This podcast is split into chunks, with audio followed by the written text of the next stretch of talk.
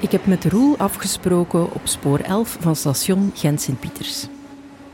Ik kom uit, uit Brussel. Ik heb net een, uh, een klantenbezoek gehad. Ik ken dat traject heel goed, Gent-Brussel. Ik doe dat al, ja, al 20 jaar, denk ik. Um, ik moet wel altijd een keer kijken, links en rechts, van waar is de uitgang. En wat ik dan meestal doe, is gewoon follow the crowd. En als ik zie dat iedereen naar daar wandelt, dan wandel ik mee. Maar nu is iedereen al weg, want we staan er al een tijdje. dus, uh, maar uiteindelijk, ja, er zijn veel uitgangen in het station. Ja, het verandert ook af en toe. Het verandert hè, ook af en toe. Ja, ja. Heel traag hier in Gent, Sint-Pieters. Ja. Dit ziet er eigenlijk al afgeleefd uit, zoals ik zie dat. En het is nog niet klaar. Zie hoe vuil. Dat zie ik dan wel, hè. Dat is ook wel grappig misschien. Ik heb een heel sterk oog voor detail, denk ik. Ik let op kleine dingen. Maar de big picture is soms moeilijker om te zien. Uh, ja. Want ik zie 10 procent, 1 op 10. Dit hier bijvoorbeeld, dat zijn van die tegels voor blinden. Hè. Ik let daar nu op omdat wij hier wandelen, maar voor mij is dat niet iets waar ik echt uh, gebruik van maak. Dat is niet echt nodig nee. voor jou? Wel, bijvoorbeeld hier op die trappen. Hè. Wat ik vaak doe, is zo'n keer, ja, zo'n keer voelen van, ben ik zeker juist begonnen aan een trap. Dus zo'n markering, dan doe ik zo'n keer zo. Oké. Okay. Ja. ja. Ik zie het eigenlijk wel, maar het is eerder een soort van zekerheid. Dus ik vind dat wel handig dat er uh, van die gemarkeerde strips zijn op trappen. Ja. Dat helpt mij eigenlijk wel echt. Mijn hele leven is eigenlijk een zelfonderzoek en een, een zoektocht. Dus ik heb heel veel dingen zelf moeten ontdekken omdat niemand mij dat verteld had of dat niemand mij daarover... Dus zowel mijn oogaandoening als mijn geaardheid eigenlijk, ja, heb ik gaandeweg moeten bij elkaar puzzelen. Dus daar zit een parallel in. Dit is Op het Kruispunt, een podcast over LGBTI mensen met een handicap en de vaak onverwachte raakvlakken daartussen. Maar nog veel meer een podcast met portretten van interessante mensen met mooie verhalen. En deze keer komt dat verhaal van Roel. Over de kracht van technologie en over kleur bekennen in een kleurloze wereld. Voor we verder gaan nog even dit. In deze aflevering komt kort het onderwerp van misbruik aan bod. Ja, ik zie dat je net je uh, zonnebril afzet, want ik vond het wel opvallend. Je kwam van Ja. de trein met een zonnebril op op een zeer druilerige dag. Dat klopt. Ik heb die eigenlijk bijna altijd op, overdag. Uh, mijn ogen kunnen heel moeilijk tegen licht. Waardoor dat het licht voor mij heel, heel verblindend is zonder, uh, zonder bril. Ik doe die bril af omdat het hier voor mij nu aangenaam is, maar buiten, uh, zelfs bij druilerig weer, is het voor mij vaak te, te licht. Te dus helder, ik speel heel ja. vaak met op-af, op-af. Ik heb ook meerdere brillen. Roel is een van de weinige mensen die lijdt aan acromatopsie. Acromatopsie is een uh, aangeboren netvliesaandoening die um, een stukje erfelijk is ook, uh, maar die heel zeldzaam is. Die komt voor bij 1 op 40.000 mensen ongeveer. En in je netvlies heb je kegeltjes en staafjes. En ik heb bijna geen kegeltjes eigenlijk. En die kegeltjes zorgen ervoor dat je kleur kunt waarnemen, maar ook dat het licht dat je oog bereikt gereguleerd wordt. Mhm. Dus bij mij is eigenlijk alles altijd overbelicht, tenzij ik die donkere lenzen dus draag. Mhm. Of die bril. Je kunt het eigenlijk een beetje vergelijken als je bijvoorbeeld op een festival uit de tent kruipt en je bent net wakker en de zon schijnt knal in je gezicht, je wordt totaal verblind. Dus zo is het voor mij altijd. Mijn ogen passen zich daar niet aan aan. Minder kater wel. Minder kater, ja. ja, ja. dus dat is één aspect. Hè. Dus, dus die kegeltjes hebben, hebben een aantal functies. Die, die reguleren het licht in je oog, maar die zorgen ook voor de kleurwaarneming. Mhm. En die zorgen, en dat is dan het derde aspect, voor het scherp kunnen zien bij daglicht. Dat zijn de drie dingen die ik niet kan. Ik zie geen kleuren, overbelicht en uh, een lage gezichtsscherpte. Moet ik dat dan zien, dat jij in een, in een zwart-wit wereld leeft? Of een grijswaarde wereld? Exact. Dat is letterlijk hoe het zit. Ja. Ja, ja. Het is meer dan Fifty Shades of Grey. Ik weet niet hoeveel, ik heb ze nooit geteld. Maar um, Photoshop kent je. Ja. In Photoshop heb je een filter grayscale. Uh -huh.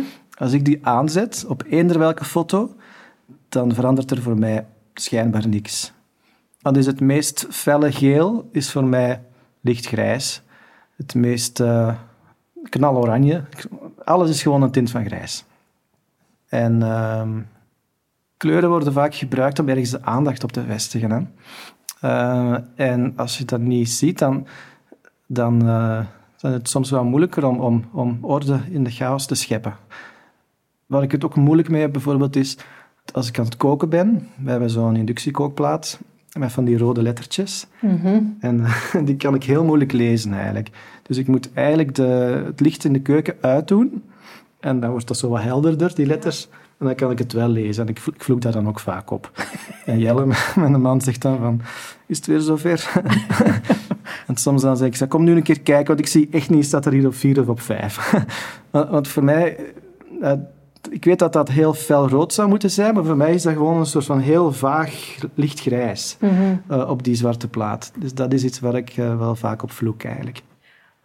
Hoe is het om zo op te groeien als, als kind als je geen kleuren ziet? Want dat is toch iets wat we heel veel doen bij kleine kindjes. Van, ah, kijk, dat, de banaan is geel en dit is blauw. En... Ja. Ja, dat was wel... Ik heb er wel wat herinneringen aan, eigenlijk. Het zijn geen trauma's, maar het zijn zo van die dingen dat ik mij wel herinner. Dat de kindjes in de, in de lagere school... Ze wisten dat natuurlijk. Hè, want ik had... Uh, mijn kleurpotloodjes, die hadden allemaal van die plakkertjes erop geplakt. Mijn ouders hadden mij geholpen, zodat ik toch... Uh, ja, de juiste kleuren gebruikte om mijn tekeningen in te kleuren. Dat vond ik zelf ook belangrijk. Dat ik niet uh, groene wolken en, en oranje bomen uh, vol kleurde. Dus ik wilde wel weten welke kleuren de potloden hadden, de stiften. Ja, dan is dat van, en welke kleur heeft deze banaan? En welke kleur heeft dat gras? En dan zei ik natuurlijk, een banaan is geel en het gras is groen, want dat is gewoon... Dat heb je aangeleerd. dat, is, dat is kennis voor jou. natuurlijk, ja. bedoel, maar dat heeft me nooit echt heel hard gestoord op zich. Want het is ook niet omdat je geboren wordt met een oogaandoening, dat je daardoor automatisch ook geen gevoel voor esthetiek hebt of zo. Of geen interesse hebt in, in mooie dingen. Uh, want dat heb ik wel. Uh, ik zie ze gewoon op een andere manier. Ik heb ook altijd getekend als kind. Ik, uh, ik ging tot mijn twaalf jaar naar de, naar de tekenacademie. Ik heb ooit in mijn dorp uh, de ontwerp de bladwijzerwedstrijd van de lokale BIP gewonnen. Daar ben ik heel trots op. En je hebt je ontwerp in kleur gemaakt? Nee, dat was zwart-wit. Ja. Ja, ja, ja, ja, ja. Um, op het moment dat je zo begint te puberen en zo, uw, uw expressie is, is voor pubers zeer visueel. Hè? Kledij en, en uw haar en bla bla bla. En dan speelt ook met kleuren. Je hebt zo de, de mensen die enkel in zwart gekleed gaan. En je hebt dan de mensen die heel kleurrijk gekleed Hoe was dat voor jou om zo op te groeien? ik, uh, ik zat in een uniformschool. waar iedereen uh, blauw moest aandoen. Dus ik had alleen maar blauwe broeken een blauwe trui en witte hemdjes en witte t-shirts. Dus dat was eigenlijk niet echt een groot issue daar. Natuurlijk, puberteit was wel een lastige periode op andere vlakken. Want wat je ook moet weten is, ik heb dus nu die, uh, die donkere contactlenzen in. Mm -hmm. uh, maar die heb ik pas sinds mijn vijftiende. Uh, maar tot aan mijn puberteit ja, trok ik me dat eigenlijk allemaal niet aan, want dan zet je er nog niet mee bezig. maar ja, toen rond mijn 13, 14 begon me dat toch te, te, storen. Ik ben wel nooit gepest geweest op school, dat moet ik erbij zeggen, gelukkig. Uh, maar ik voelde wel van ja, toch een beetje een buitenbeentje. Uh, wie zit er nu met een zonnebril in de klas? -hmm. Ik herinner me wel dat er soms op zo'n eerste schooldag wel eens iemand kwam van eh, zonnebrillen zijn verboden hier op school. dat, dat, is zoiets dat me ook zo bijstaat. En dat toen, dan ben ik zelf op zoek gegaan naar een, naar een oplossing daarvoor. En uh, sinds mijn vijftiende draag je contactlenzen. Want ik was direct verkocht eigenlijk. Dus ik, ik, herinner mij de, eerste dag dat ik die, de eerste keer zelfs dat ik die lenzen indeed, dat was in het ziekenhuis. En mijn ouders waren toen eigenlijk ook een beetje, ja, bijna emotioneel. Dat ze zeiden van, dat is nu de eerste keer dat wij u zien overdag, dat jij gewoon ons terecht kunt aankijken, met zonder dat jij moet knijpen met uw ogen. En dat jij je comfortabel, ja, ik voelde me ook veel veiliger en comfortabeler sinds dat ik die lenzen gekregen heb. En ik was ook een beetje kwaad eigenlijk. Dat niemand mij daar vroeger van had uh, uh, verwittigd dat dat, dat, dat bestond. zelf had moeten uitzoeken. Ja, dus sindsdien draag ik die onafgebroken. En daar ben ik heel blij mee. Dat is eigenlijk mijn belangrijkste. Zonder die lenzen ben ik echt hulpeloos.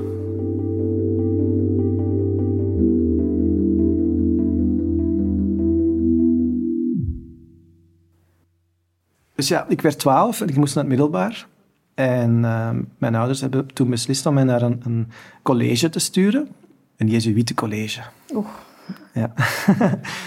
maar met alle goede bedoelingen. Hè? Want bedoel, ik was een goede leerling in de lagere school. En ik, ik haalde altijd goede punten. Maar ik was daar eigenlijk helemaal niet gelukkig. Uh, want al mijn uh, klasgenootjes uit de lagere school, die gingen naar andere scholen. Dus ik, ja, 1 september 1991 was wel een dag waarop dat alles veranderde eigenlijk. Dus vanuit die beschermde omgeving, dorpsschooltje, vlakbij huis, uh, dan ineens in zo'n hele strenge school. Uh, maar ik, ik, voelde me daar ook niet op mijn plaats. Mm -hmm. En dat had vooral te maken met uh, ja, de omkadering. Die was er gewoonweg niet, eigenlijk. Dus nu wordt er gesproken over inclusief onderwijs. dat was daar niet aanwezig. Dus ik werd daar aan mijn lot overgelaten, eigenlijk. Um, en ik was ook nog niet mondig genoeg om daarop te reageren of om, om mij te laten gelden. En zo bijvoorbeeld een leraar aardrijkskunde, die ons vroeg om uh, ja, van die hoogtekaarten in te kleuren. uh, ik kon dat niet, hè. Ja, ik mhm. zag dat gewoon niet. En toch moest ik dat doen. Ik kon ook het bord niet lezen, bijvoorbeeld. Hè. En ik kon wel mee inhoudelijk, maar ik moest er heel veel moeite voor doen, want ik moest heel veel bijstuderen, omdat ik sommige dingen gemist had. Ik was niet goed in wiskunde bijvoorbeeld. Misschien dat ik het in mijn hoofd allemaal nog uh, erger gemaakt heb dan het was. Maar voor mij is dat, dat, dat eerste middelbaar is echt zo'n jaar van, als ik daaraan terugdenk, dat ik, ja, dat ik daarvan gruwel eigenlijk. Mm -hmm. um, dat was een heel moeilijk jaar. En daarom hebben wij eigenlijk beslist, mijn ouders en ik, om mij uh, naar een speciale school te sturen in Brussel. Uh, school voor uh, slechtziende en blinde kinderen op internaat. Oké, okay. ja. nog een stap verder van de kerktoren. Verder weg van de kerktoren, ja, ja. En dat leek op dat moment, in 1992, leek dat een logische keuze. Als je terugkeek op, uh, op dat, ja, dat gefaald jaar. Maar achteraf gezien had dat niet gehoeven. Uh, want dat had eerder te maken met een, ja, met de school, met de mentaliteit, met het feit dat er daar geen ondersteuning was.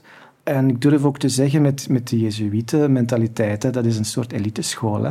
Dat zijn de dokters en de advocaten die voor mensen als ik zouden gaan zorgen waarschijnlijk. Ze zagen me niet als iemand die daar thuis hoorde. Een handicap past ja, niet in dat beeld. Een handicap past niet in dat beeld van...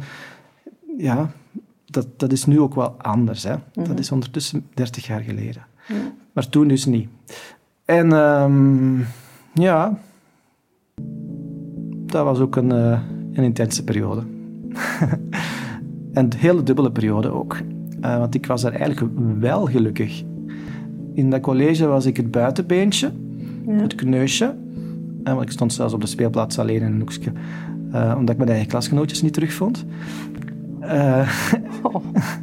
omdat ik ze niet zag, letterlijk. En omdat niemand ooit de moeite had genomen om in, die, in de klasgroep te spreken over het feit van er is hier een kindje dat niet goed ziet.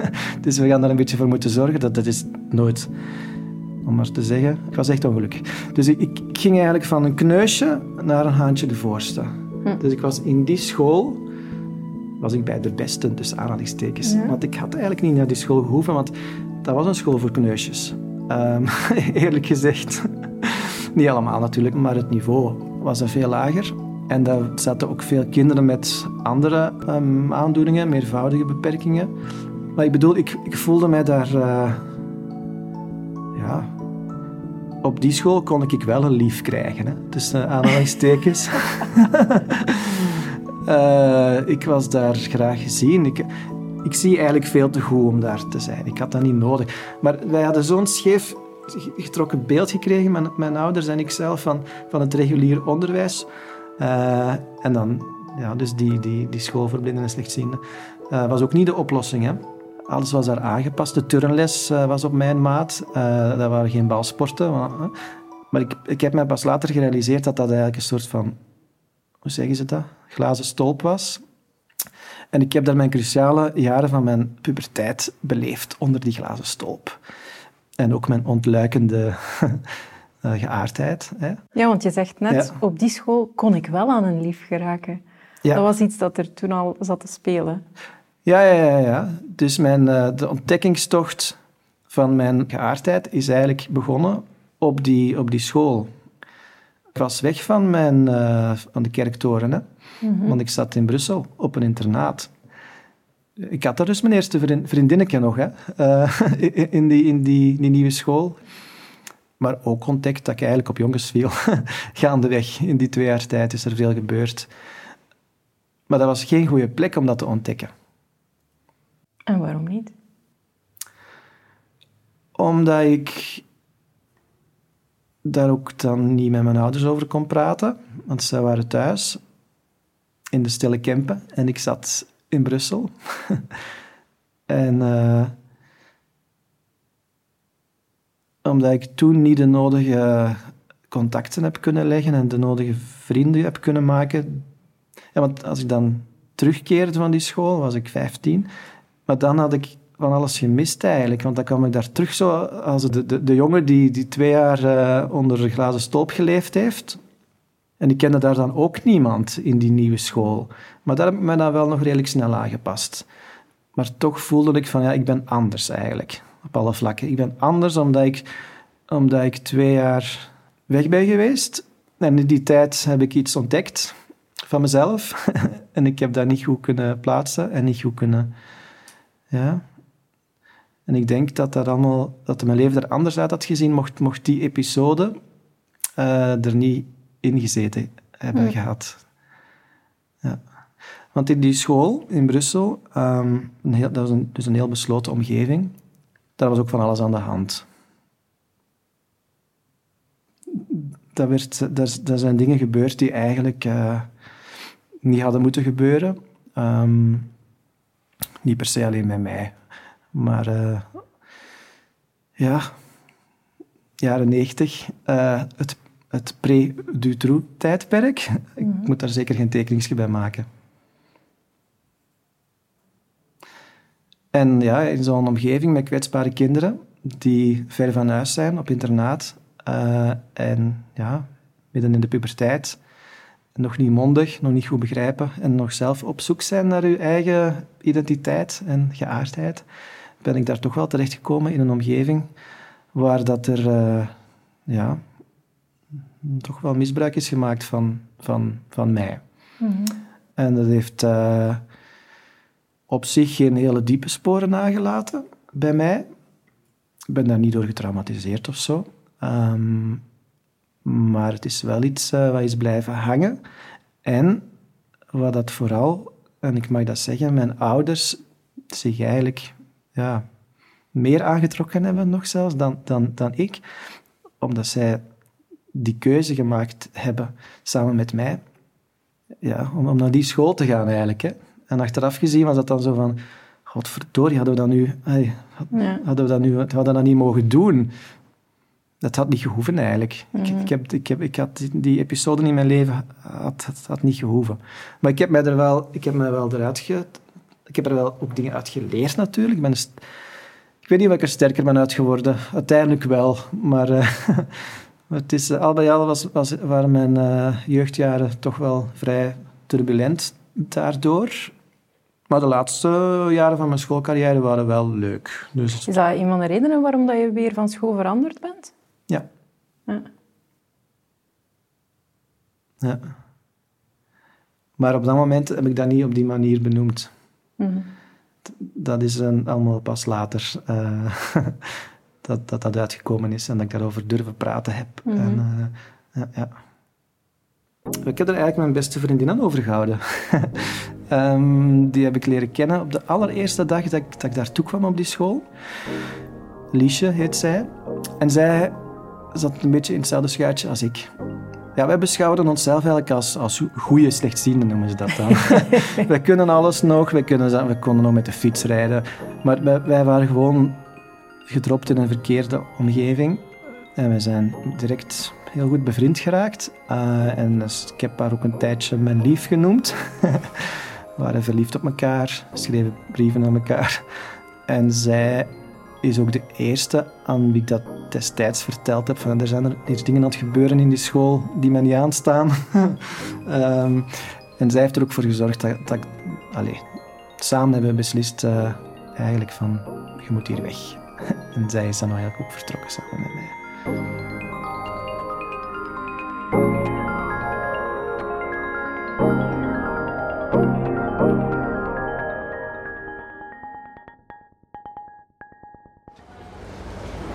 Straks in Brussel was het een beetje moeilijker, want we waren dan gaan eten in een restaurant en de klant moest dan een andere richting op en dan was ik even eh, verloren. En wat ik dan doe is eh, direct mijn gsm bovenhalen en uh, hoe kort het traject ook is, ik volg gewoon letterlijk de GPS. Je vertrouwt op de technologie? Ja, ja, dat is een rode draad denk ik in mijn leven, technologie, alles. Um, ik ben een gadgetfreak, ik ben een techno-optimist ook wel denk ik. Een early adapter ook, er is iets nieuws en ik wil het proberen. Allemaal eigenlijk om als het mijn handicap voor een stuk kan uh, overwinnen, dan uh, wil ik het direct proberen. Van zodra dat je mij achter een computer zet, voel ik mij niet meer gehandicapt. En dat komt omdat ik heel die computer en eigenlijk heel de digitale wereld kan uh, naar mijn hand zetten. Ik kan mijn kleuren omkeren, zoals we gezien hebben. Ik kan teksten laten voorlezen. Ik kan mijn lettertype veranderen. Dat zijn allemaal dingen die je in de, in de reële wereld niet kunt. Ik kan in de reële wereld niet pinchen en zoomen om te zien wat er daar op die muur hangt. Ja. dus die digitale wereld en alles wat daarbij komt, dat heeft me altijd gefascineerd eigenlijk. Ja, want jouw werk speelt zich af achter een scherm, hè? Ja. Want we zitten hier bij jou op jouw bedrijf. Mm Wat doet Eleven Ways? um, wij zijn een team van zes mensen, binnenkort zeven mensen. En wij zijn allemaal gespecialiseerd en ook gepassioneerd door uh, digitale toegankelijkheid. Dus de toegankelijkheid van websites, apps, maar ook andere digitale producten, zoals uh, bankautomaten, kiosks, de automaten van de lijn. Dat zijn ook dingen die wij, uh, die wij proberen te verbeteren met onze klanten. Dus wij um, kijken vanuit technisch-inhoudelijke richtlijnen en, en goede praktijken naar uh, die producten, hoe die verbeterd kunnen worden, bijvoorbeeld voor mensen die slechtziend zijn, zoals ik zelf. Dat is ook de reden waarom dat ik daarin gerold ben. Mensen die blind zijn, mensen die um, een cognitieve beperking hebben, fysieke beperkingen, uh, maar het gaat ook ruimer. Ook mensen met, uh, die laaggeletterd zijn bijvoorbeeld, oudere mensen. Dus allemaal mensen die digitaal, ja, met digitale uitdagingen zitten. Dus digitale toegankelijkheid is een onderdeel van ja, e-inclusie en inclusie in het algemeen. En daar heb ik mijn, mijn vak van gemaakt. En je zegt, je bent daarin gerold. Was dat uit, uit persoonlijke frustratie? Maar je zegt, ik ben een gadgetfreak en, en technologie helpt mij vooruit. Uh, ja, eigenlijk wel. Toen ik studeerde in 1999, ik was eigenlijk niet echt een goede student, moet ik eerlijk zeggen. Ik heb mijn studies ook nooit helemaal afgemaakt. Maar ik, ik had een goede vriend en die is blind geboren. En die dat was wel een goede student, echt een bolleboos. En die heeft rechten gestudeerd in Leuven. Maar ik merkte dat, dat hij... Uh, ja, hij, had het, hij moeilijk met, met sommige dingen, want uh, het internet was toen nog maar net... Allee, daar zat een enorm potentieel in ook. En hij moest daar voor zijn, voor zijn studies heel veel dingen opzoeken. Uh, en dat, dat dan allemaal heel slecht voor hem. Dat was heel ontoegankelijk. En dat was eigenlijk frustrerend, omdat hij... Hij was perfect gemotiveerd om dat te doen. En hij had de skills, hij had het doorzettingsvermogen, mhm. hij had de tools, uh, spraakcomputer, alles erop en eraan. Maar toch uh, lukte het hem niet om, om die teksten te vinden op de site en om die te, te downloaden en daar mee aan de slag te gaan. Want als jurist moet je heel veel met juridische teksten werken. En ik heb hem daar heel veel mee geholpen in die tijd, eigenlijk. Uh, en toen ben ik me wel al beginnen realiseren van ja, het internet en de digitale wereld, dat heeft een enorm potentieel voor iedereen. maar voor mensen met een beperking nog, nog meer. Want je kunt nu shoppen vanuit uw uh, luie zetel. Information at your fingertips. Alles is gewoon binnen handbereik. Uh, en in principe kan de digitale wereld perfect toegankelijk zijn. Maar dan moeten de aanbieders, de mensen die ja, de websites bouwen, moeten ook wel een, een aantal dingen op een goede manier ontwerpen en bouwen. Uh, en daar is mijn interesse eigenlijk een beetje ontstaan uh, in, in dat onderwerp.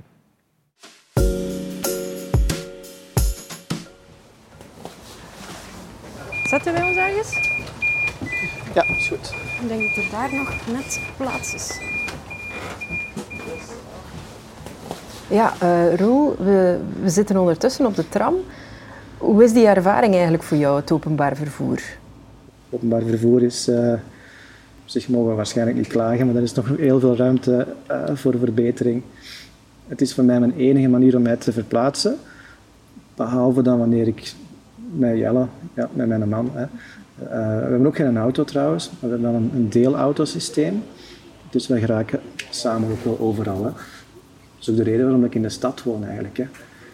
Ik heb ervoor gekozen om, om een, op een toegankelijke plek te wonen, waar alles binnen handbereik is. Ik kan ook natuurlijk nog veel dingen te voet doen ook. Maar, maar fietsen uh, doe je dan ook niet bijvoorbeeld? Goh, ik heb dat wel gedaan. Toen mijn laatste fiets gepikt werd, uh, een jaar of twee geleden, heb ik dan toch beslist om er geen meer te kopen. Want het was ook niet zo heel veilig. Ik, ik had er wel een enorm, enorm gevoel van vrijheid door. Maar ik realiseerde mij pas achteraf dat ik eigenlijk een gevaar op de weg was. Ja, en het heeft ook wel veel um, niet-verbale communicatie in, in zich, hè, het fietsen. De manier waarop je je houdt, kijken naar een autobestuurder. Klopt, ja. En ik, ik denk dat ik dat onderschat had zelf. -hmm. Die non-verbale communicatie in het verkeer, hoe belangrijk dat, dat is.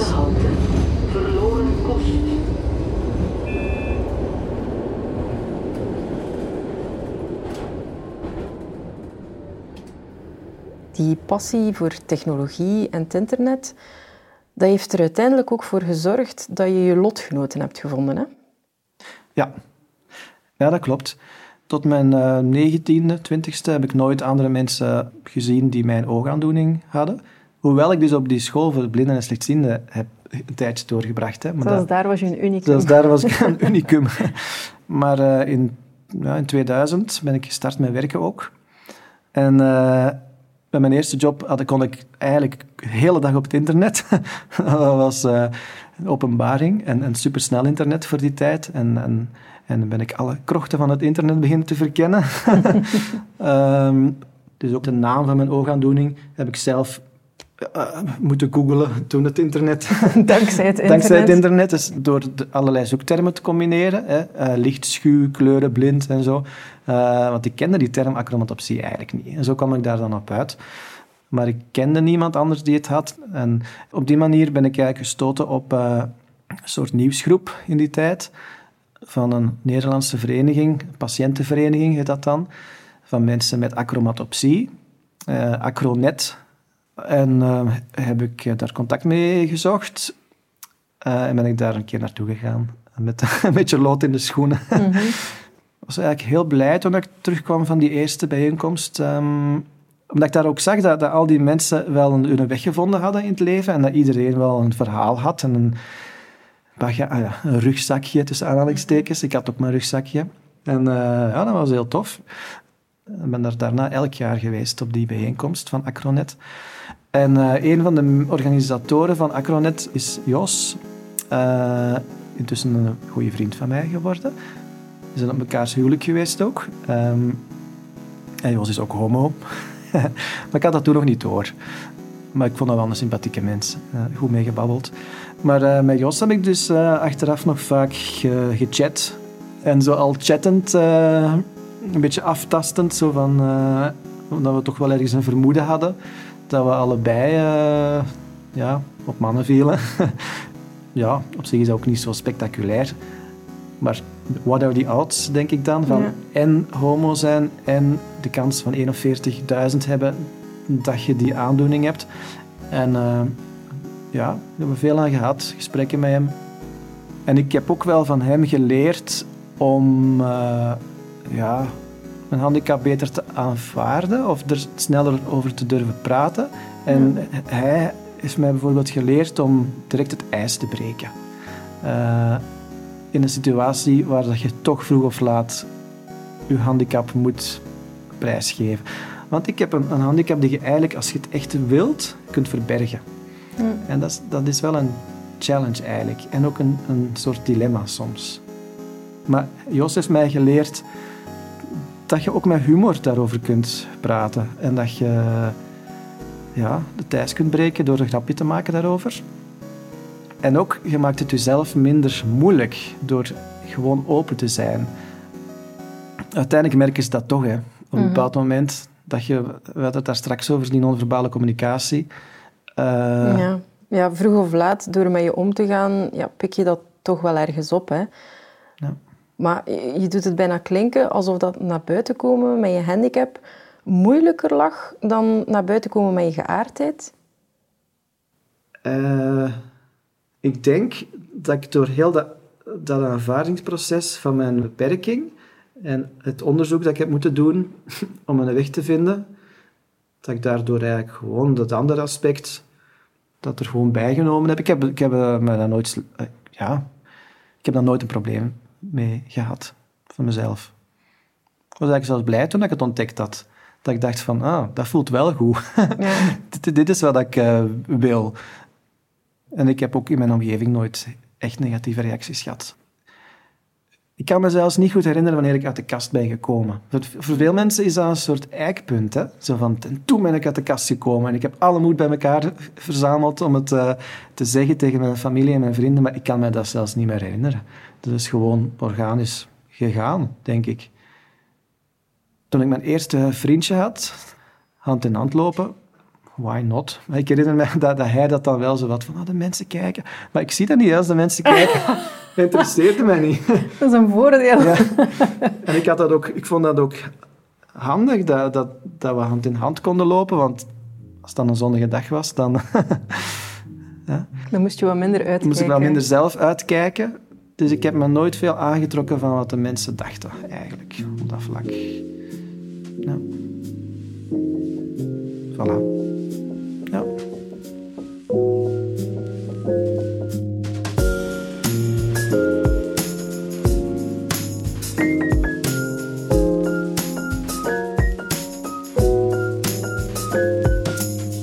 Je luisterde naar een portret uit de reeks Op het Kruispunt.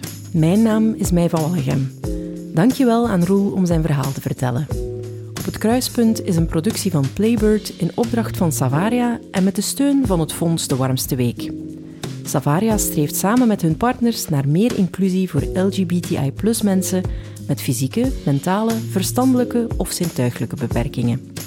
Alle info over de podcast en het bredere project kan je vinden op savaria.be-kruispunt.